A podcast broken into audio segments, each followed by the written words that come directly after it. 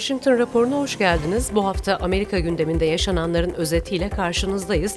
Ağırlıklı olarak gündem Amerika'da da ekonomi. Amerika Şükran Günü tatilini son 31 yılın en kötü enflasyonuyla artan fiyatlar, koronavirüsün yeni varyantının olası bir seyahat yasağı veya kapanma getirip getirmeyeceğine dair ekonomik kaygılarla karşıladı. Hafta içinde yüksek enflasyon baskısı altında Başkan Joe Biden, stratejik petrol rezervinin açılması kararını duyurdu. Kongre Demokratları Başkan Biden'ı yalnızca stratejik rezervi açarak değil aynı zamanda Amerikan petrolünün ihracını yasaklayarak da yüksek gaz fiyatları ile mücadele etmeye çağırdı. Biden'a gönderilen mektup Beyaz Saray'ın kendi partisinden Amerikalıları bile kızdıran ve 30 yılın en yüksek enflasyon artışına katkıda bulunan pompa fiyatlarını düşürmesi için karşı karşıya olduğu baskıyı ortaya koydu. Biden ise yüksek yakıt fiyatlarının sadece Amerika'da değil, dünya genelinde yaşanan problem olduğunu ifade etti. Fransa ve Japonya örneğini verdi. All across America, high gas prices. This is a problem. Not just here in the United States, but around the world. The price of gasoline has reached record levels recently in Europe and in Asia. In France, at the end of last month, it reached about $7 per gallon. In Japan, it's about $5.50 per gallon, the highest it's been in years. Biden, Hindistan, Japonya, Kore ve Birleşik Krallık'la rezervlerden ilave petrol çıkarma konusunda anlaştıklarını ve Çin'in de daha fazlasını yapabileceğini ifade etti. Biden hafta içinde Baltimore'da ekonomiye dair beklenen yaptığı konuşmada tedarik zinciri sorununa değindi ve bir metafor üzerinden konuyu özetledi. Biden bir kurşun kalemin dahi Amerika'da bir fabrikadan çıkabilmesi için Brezilya'dan ağaç, Hindistan'dan kurşun gelmesi gerektiğini, farklı ülkelerin işbirliği içinde çalışması gerektiğini ifade etti. Amerika Thanksgiving'i kutlarken Pentagon dünya çapında konuşlanmış birliklere 175 ton tatil yemeği gönderdi. Ancak bu Amerika içinde Şükran Günü yemeği maliyetinin marketlerde arttığını gören asker ailelerine yardımcı olmuyor.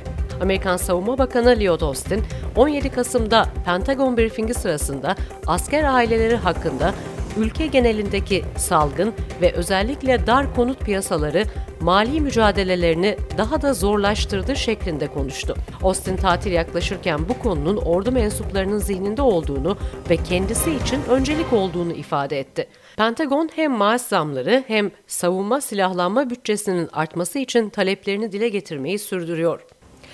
Yüksek enflasyon Amerika'da maaş zamlarını emerken Biden yılda 400 bin dolardan fazla gelir elde etmeyen kişilere yeni vergi yükü getirmeyeceklerinde ısrarlı. Ancak enflasyonla mücadele eden Amerikalılar maaş zammı aldıkça daha yüksek vergi dilimine taşınmış oluyor ve gelirleri oranında vergi ödemeyi sürdürecekleri için aslında hükümetin vergi gelirleri de artmış oluyor. Amerika'nın önde gelen ekonomi gazetelerinden Wall Street Journal editoryal yönetimi ise Biden'ın para basarak Build Back Better ajandasına finansman yaratmaya çalışmasını geçmişten ders alınması gerektiğini hatırlatarak eleştirdi. Son olarak gazete Biden'a Nobel ödüllü Amerikalı ekonomist Milton Friedman'ın Free to Choose Network'te de yayınlanan tavsiyeleriyle seslendi. Inflation is just like alcoholism. In both cases, when you start drinking or when you start printing too much money. The good effects come first, the bad effects only come later. That's why, in both cases, there's a strong temptation to overdo it, to drink too much and to print too much money.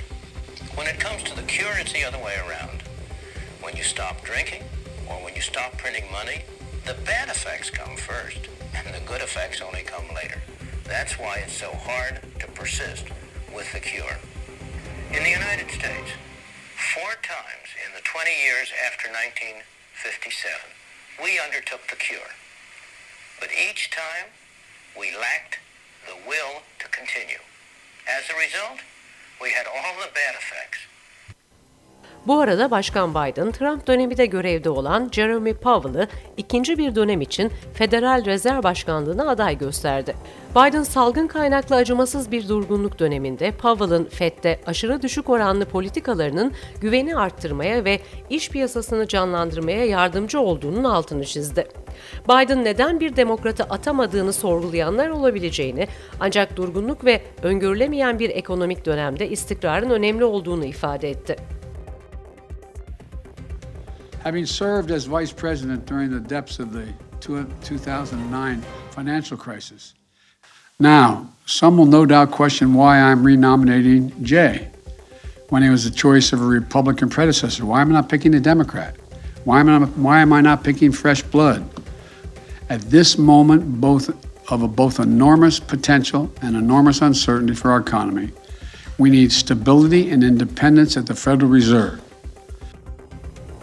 Amerika bu arada gelirleri artırmak ve çevreyi korumak amacıyla fosil yakıt şirketlerinin federal topraklarda ve sularda sondaj yapmak için daha fazla ödeme yapmasını sağlayan yeni bir planı ortaya koydu.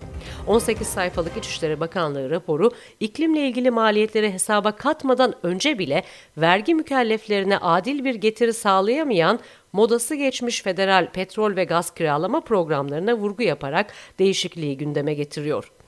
Güney Afrika'da görülen ve Hong Kong, Belçika, İsrail'de örneklerine rastlanan yeni bir tür Covid varyantı endişeye yol açtı. Ekonomik iyileşme beklenirken ortaya çıkan yeni türün ardından Amerika, Güney Afrika dahil 8 Afrika ülkesinden uçuşları sınırladı. Yasaklar geri dönmek isteyen Amerikan vatandaşlarını kapsamıyor.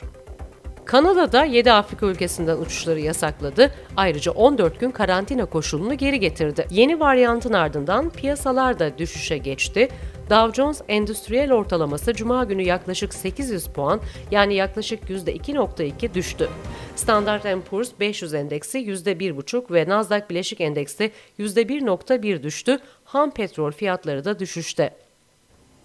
6 Ocak kongre ayaklanmasını araştıran Meclis Komitesi, Oath Keepers ve Proud Boys dahil olmak üzere o günkü saldırılara karışan aşırı sağcı grupları hedef alan 5 yeni celp yayınladı.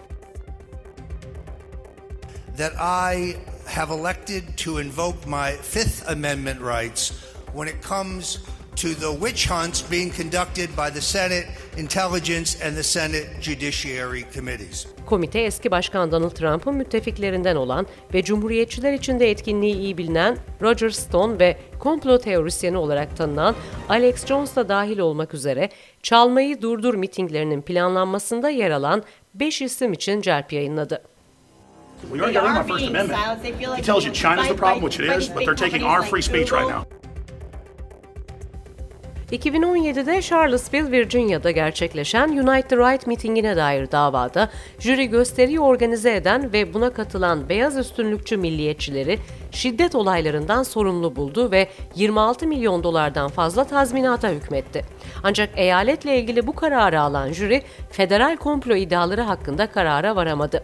Unite the Right isimli sağı birleştirmeyi hedefleyen miting sırasındaki şiddet artan kutuplaşmanın altını çizmişti. 2017'deki gösterilerde karşıt görüşlü protestocular eş zamanlı gösteri düzenlerken beyaz üstünlükçüler tarafından bir kişi öldürüldü, 35 kişi ise yaralandı.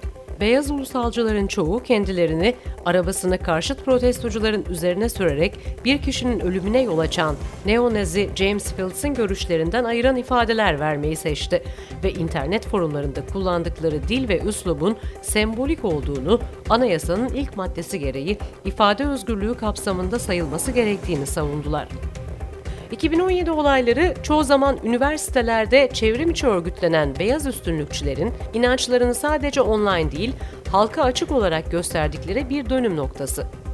Amerika'da beyaz üstünlükçü görüş, Amerikalıların göçmenler, Müslümanlar veya Yahudilerce yerlerinin doldurulacağı iddiasında ve bunun demokratların kendi siyasi büyümeleri için yaptıkları bir strateji olduğuna inanıyorlar. Beyaz ulusalcıların çoğu kendilerini arabasını karşıt protestocuların üzerine sürerek bir kişinin ölümüne yol açan neonazi James Fields'in görüşlerinden ayıran ifadeler vermeyi seçti ve internet forumlarında kullandıkları dil ve üslubun sembolik olduğunu, anayasanın ilk maddesi gereği ifade özgürlüğü kapsamında sayılması gerektiğini savundu. Ve Washington raporunda gelecek haftaya dair notlar.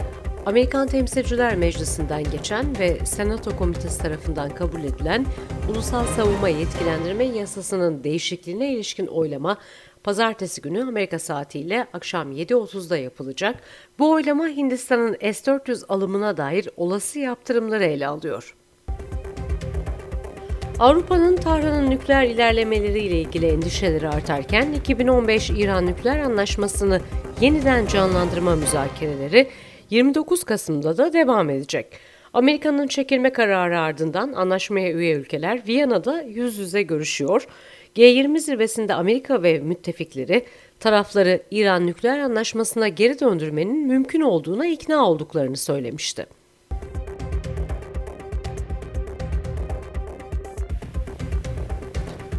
Amerika'da pazartesi günü Manhattan'daki federal mahkemede parmaklıklar ardında intihar ederek ölen finansör Jeffrey Epstein'den sonra kız arkadaşı İngiliz sosyetesinin bilinen isimlerinden Ghislaine Maxwell, reşit olmayan kızlarla ilgili seks ticareti davasının açılış oturumuyla karşı karşıya. 29 Kasım'da açılış konuşmalarında Maxwell, Manhattan Federal Mahkemesi'nde yargılanacak.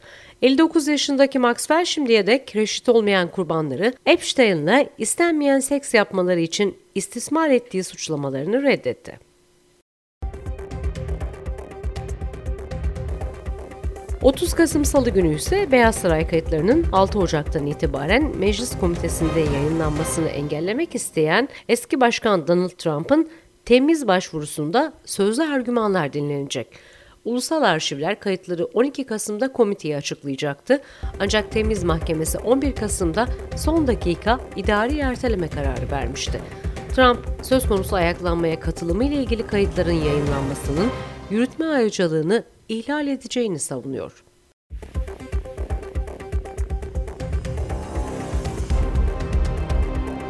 Amerikan Kongresi tarafından 30 Eylül'de geçirilen geçici bütçe yasası 2 Aralık Perşembe günü sona eriyor.